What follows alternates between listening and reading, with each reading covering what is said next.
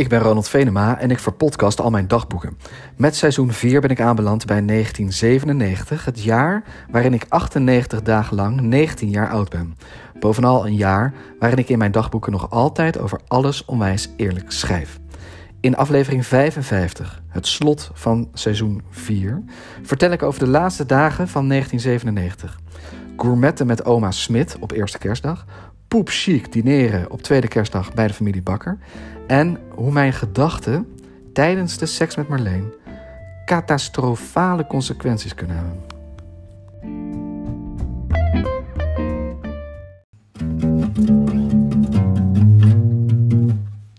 ...26 december 1997, vrijdag, 11 uur 09. Oma Smit kwam gisteren bij ons gourmetten. Ze is nog nooit bij ons op kerstdiner geweest... ...omdat opa Smit kerst domme onzin vindt. Opa komt sowieso liever niet op bezoek, waarschijnlijk omdat hij meer van beesten dan van mensen houdt. Maar oma wilde wel graag kerst bij ons vieren, dus kwam ze in haar eentje.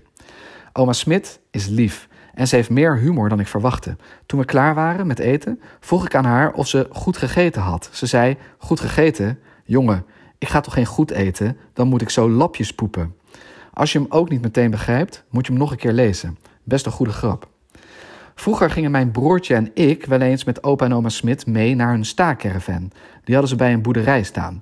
Opa Smit zag je dan de hele dag niet meer, die ging tussen alle beesten lopen. Ik denk dat opa Smit best een goede boer had kunnen zijn, maar hij was geen boer. Ik vraag me nu af wat voor een werk opa eigenlijk had. Hoor je nooit iemand over. Ik hoop voor hem dat hij iets met beesten deed. Ik denk niet dat opa met mensen heeft gewerkt. Zowel voor opa als voor de mensen niet zo'n goed idee. Door de mensen heeft hij ook nooit zijn rijbewijs gehaald. Dat vertelde oma gisteren aan tafel. Heel lang geleden mocht opa, na wat rijlessen, een rijexamen doen. Het ging niet zo goed. Al helemaal niet toen hij bij een kruispunt voorrang nam waar hij geen voorrang had.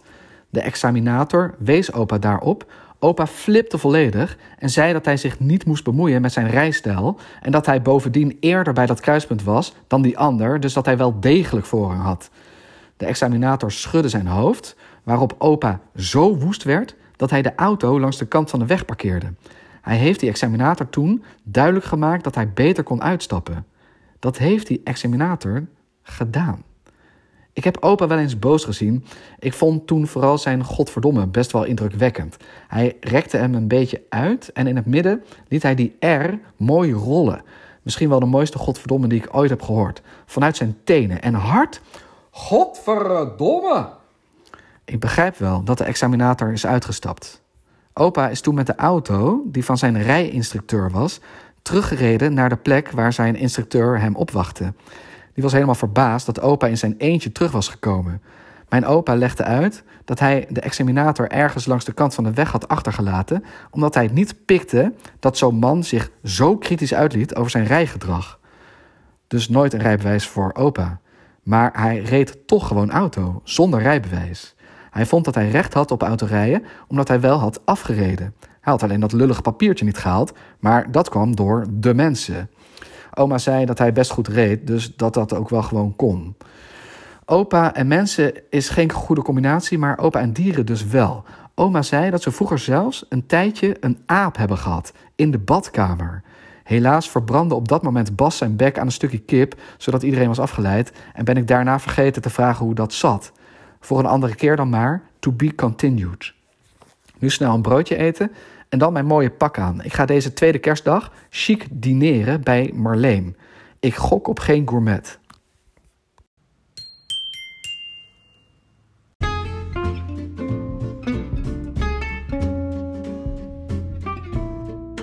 Mijn verpodcaste dagboeken worden verboekt.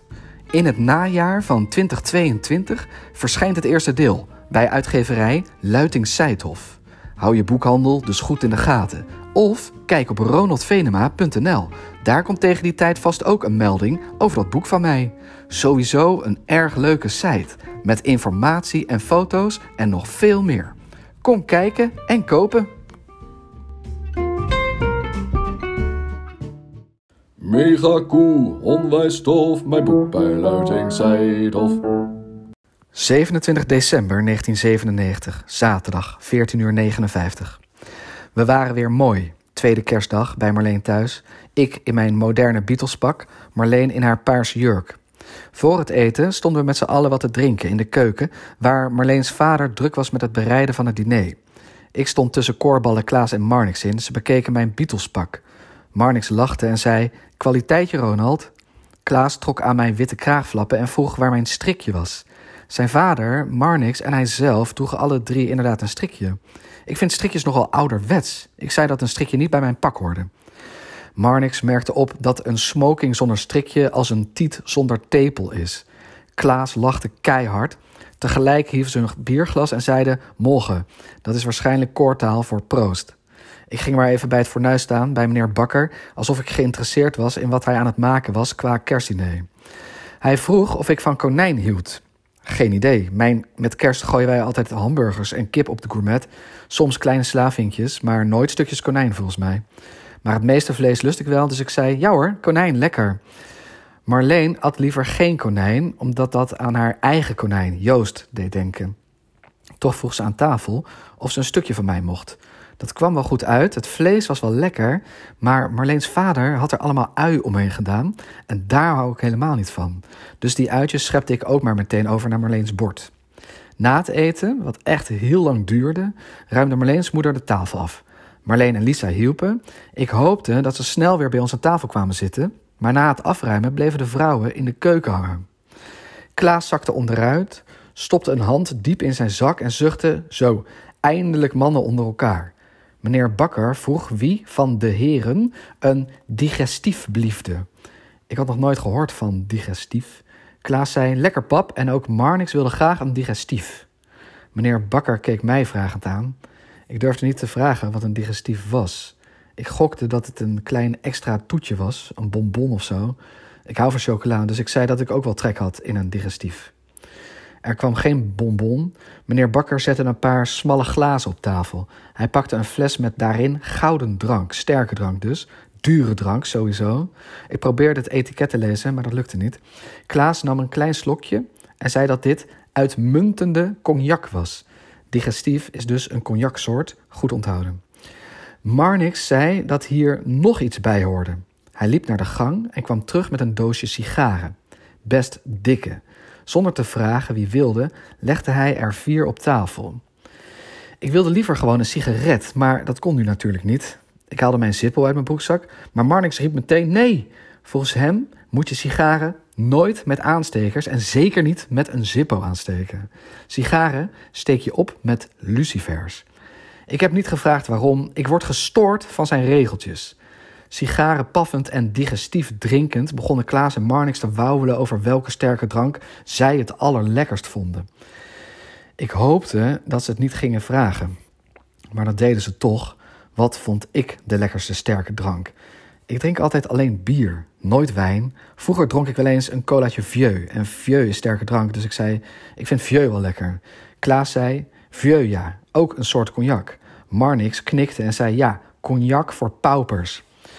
Gelukkig lulde meneer Bakker er gauw overheen door aan Klaas te vragen of hij tegenwoordig zonder zijn hulp al een beetje op tijd uit bed kon komen. Klaas zei, Mwah. Daarna lachte hij en zei hij dat hij gewoon niet zo'n ochtendmens is en dat hij zich daardoor wel eens versliep voor een college. Meneer Bakker lachte ook, maar schudde tegelijkertijd zijn hoofd. Hij zei: Jij mist gewoon je vadertje, want toen je nog thuis woonde, zorgde ik er wel voor dat je op tijd uit je nest kwam. Weet je hoe ik dat deed? Meneer Bakker vroeg het vooral aan Marnix, want hij keek hem aan. Marnix deed net of hij erg benieuwd was hoe meneer Bakker zijn zoon ochtends uit bed kreeg.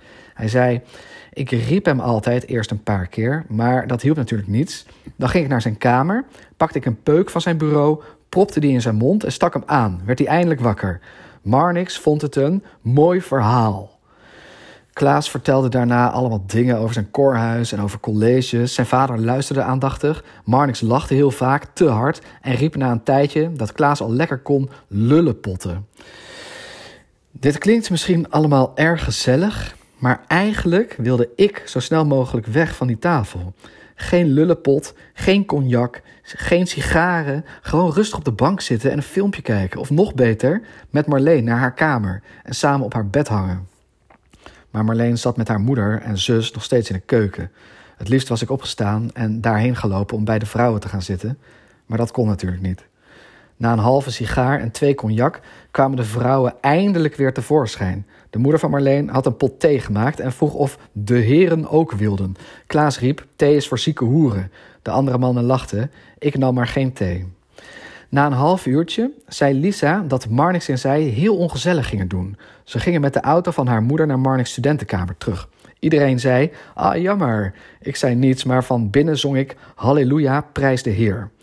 Toen zij weg waren, vertrok Klaas meteen naar boven, naar zijn oude zolderkamer. De ouders van Marleen gingen in de huiskamer nog even voor de tv zitten. Marleen en ik gingen naar haar kamer. Eindelijk rust en privacy. Liggend op haar bed zapten we wat, maar er was niets op tv. Marleen vroeg of we commissaris Rex konden kijken. Ze had de aflevering van vorige week opgenomen, maar nog niet teruggekeken. Ze is onwijs fan van die tv-serie. Het gaat over een Duitse herdershond die dus commissaris Rex heet. En die bij de politie zit en, en zijn baasje altijd helpt om misdaden op te lossen enzovoort. Normaal heb ik echt geen zin om naar die suffe politiehond te kijken. Maar nu was ik al lang blij dat deze kerstavond erop zat. Dus hup, gooi Rex maar in de recorder. Ik heb de eerste vijf minuten gezien, toen ben ik in slaap gevallen. Pas de volgende ochtend werd ik wakker in mijn Beatles-pak. Marleen had wel een slaapshirt aan, niets van gemerkt dat ze zich vannacht nog omgekleed had. Ik was een beetje geil wakker geworden uit een vreemde droom over commissaris Rex. Marleen en ik liepen over een strand. Het was onwijs warm. Ik keek naar beneden en zag dat ik compleet naakt was. Ik keek naar Marleen, die was ook naakt. Naakstrand, prima. Ineens viel Marleen naar voren. Ze zat op handen en voeten in het zand. Ik wilde vragen wat ze deed, maar er kwam alleen geblaf uit mijn mond. Ik zakte door mijn knieën en ging ook op handen en voeten staan. Er schuurde iets om mijn nek. Ik bleek een halsband om te hebben. Marleen ook. Even dacht ik, kinky shit. Toen werd er aan onze halsband getrokken. Ik keek achter ons. Daar stond een Duitse herdershond. Hij stond op zijn twee achterpoten en hield de riem waar onze halsbanden aan zaten in zijn voorpoten. Hij had kleren aan, een zonnebril op en een ketting met gouden letters om zijn nek. Daarop las ik Rex. Rex keek ons aan en zei met een Duits accent: Halt! Ik wilde zeggen dat hij een beetje respect moest hebben voor de, de mens. Zeker voor Marleen, die was onwijs fan van hem. Maar weer kwam ik niet verder dan wat stom geblaf. Boos riep Rex: Schweig, Schweinehund! Hij zei dat hij voor de Duitse taalpolitie werkte. Marleen en ik waren opgepakt omdat ons Duits erg slecht was. En daarom was ons onze mensentaal afgepakt en konden we alleen nog maar blaffen als honden. Ik wilde sorry zeggen, maar dat lukte natuurlijk niet. Dus piepte ik maar en keek ik zo droevig mogelijk, zoals honden doen als ze spijt hebben. Rex leek dat te begrijpen. Hij vond het nog net niet zu spät voor spijt. Dus hij wilde ons best helpen om van ons geblaf af te komen, maar daar moesten we wel wat voor doen. Marleen en ik sprongen blij tegen hem op en blaften enthousiast. We wilden alles doen om van ons geblaf af te komen. Rex zei streng: Sie müssen fieken. Ik dacht heel even, moet het niet sollen zijn? Sie sollen fieken? Maar ik haat discussiëren en discussiëren met een herdershond van de Duitse taalpolitie is al helemaal kansloos natuurlijk.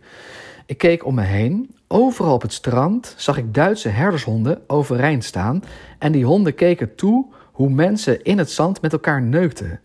Iedereen deed het op zijn hondjes. Ik wilde gewoon missionarissen met Marleen, maar Rex trok aan mijn halsband en schreeuwde: Nein, wie eine Hund! Dus gingen wij ook op zijn hondjes aan de slag. Het ging best goed.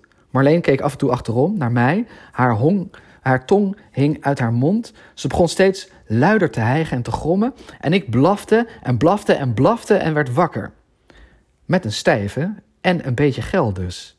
Marleen lag nog te slapen. Heel stil heb ik mijn Beatlespak uitgetrokken en ben ik in mijn naki weer naast haar gaan liggen. Ze werd langzaamaan wakker van mijn gedrei. Ik lag tegen haar aan, ze voelde mijn stijven, ze zei: Goedemorgen allemaal. Ik lachte en kroop bovenop haar. Ze hield haar ogen dicht, maar omhelste me. Ik deed wat ik altijd doe, maar het lukte voor geen meter. Mijn geilheid was als lauwe yoghurt tussen mijn vingers weggeglipt. Ik dacht aan de sigaar van gisteren en was even bang dat ik mezelf impotent had gerookt, maar zo plotseling komt impotentie ook weer niet op. Ik bleef mijn best doen. Ik wilde erg graag klaarkomen, maar na een kwartier redelijk geilloos neuken was een orgasme in geen velden of wegen te bekennen. Marleen was in de tussentijd behoorlijk wakker geworden. Ze wilde weten of het nog ging lukken. Ik vroeg of we het misschien een keer anders konden doen. Ze vroeg hoe dan. Ik stelde op zijn hondjes voor. Marleen ging akkoord. Net als in mijn droom ging dit behoorlijk goed. Ik keek uit over Marleens rug. Haar gezicht kon ik niet zien. Zo van achteren had Marleen wel iets van Milou, de Fransachtige Milou. Ik ben heel benieuwd hoe die kerstfoto van mij en Milou eruit ziet. Ik kwam ineens behoorlijk snel klaar. Marleen vroeg of het lekker was, zo. Ik zei dat het een van de lekkerste orgasmes was van de afgelopen tijd. Marleen lachte en zei dat we het best vaker op zijn hondjes konden doen. Goed idee.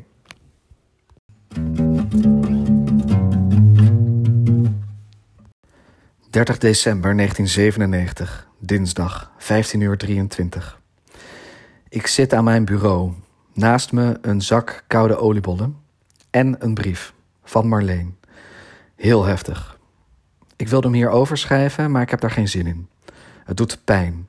Dus ik vouw hem op en leg hem gewoon tussen deze pagina's van mijn dagboek, zoals je ziet.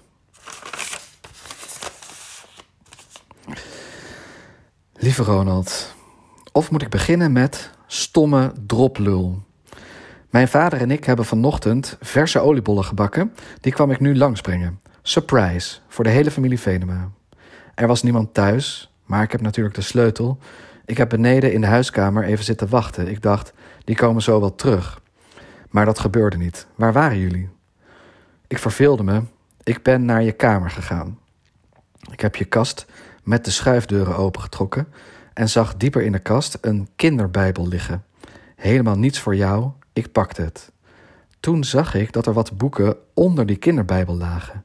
Het waren je dagboeken. Je hebt me wel eens verklapt dat je een dagboekenschrijver bent. Ik vond het altijd zo schattig, een jongen met een dagboek. Ik wist dat ik het niet mocht doen, maar ik dacht ook, wij hebben toch niets voor elkaar te verbergen. Dus pakte ik het bovenste dagboek en las wat je de afgelopen dagen hebt geschreven. Jij houdt heel veel voor mij verborgen. Dat je soms zin hebt om helemaal los te gaan en seks wil met anderen. Dat je liever in Australië bent alleen dan in Arnhem met mij. Maar het meest ben ik geschrokken van jouw gevoelens voor Milou. Ik wist niet dat je haar zo graag in je armen wilde hebben toen we tijdens het kerstbal met z'n vier op de foto gingen. En het aller, allerergste wat ik nu weet, je denkt aan een ander tijdens onze seks.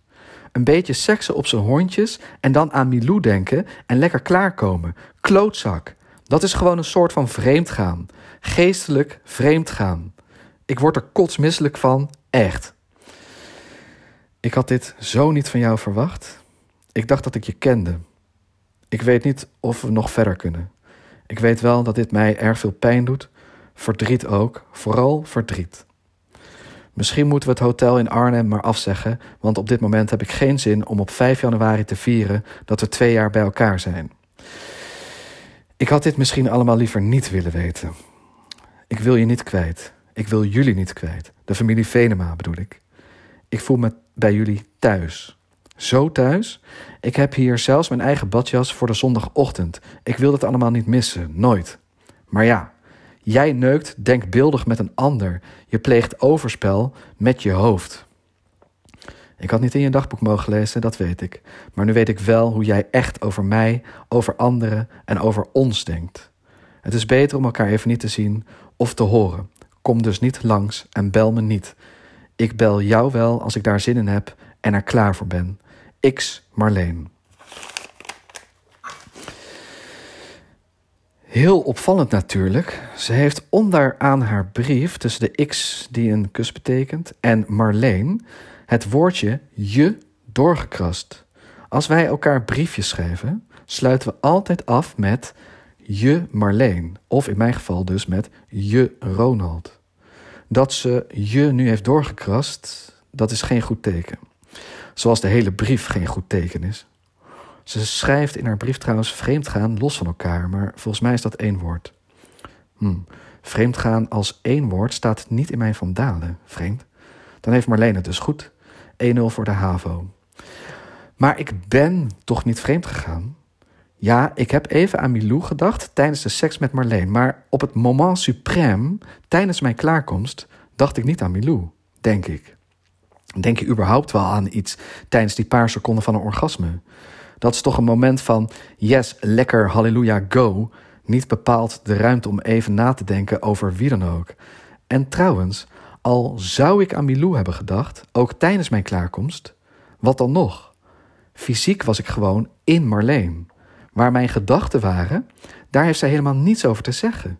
Al zou ik denken aan Sijs Inkwart tijdens onze seks, dat zijn dan mijn gedachten. Wel ziek als je tijdens het neuken aan een nazi denkt, maar het mag wel. Ik bepaal waar ik aan denk. My mind is free. Maar we hebben nu, hoe dan ook, een gigantische crisis. Of nee, crisis is nog te klein. Het is een oorlog. Dankzij mijn dagboek, de dagboekoorlog. Oorlog is altijd slecht. Oorlog kent alleen maar verliezers en slachtoffers. Godver, klotezooi. Dit is niet goed. En ik wil dit niet. Mijn stomme kutdagboek maakt meer kapot dan me lief is. Marleen, als je dit leest, kom terug. Serieus. Ik wil je niet kwijt. Ik wil geen oorlog. Vrede, liefde, met jou. Ik ga nooit meer in dit dagboek schrijven.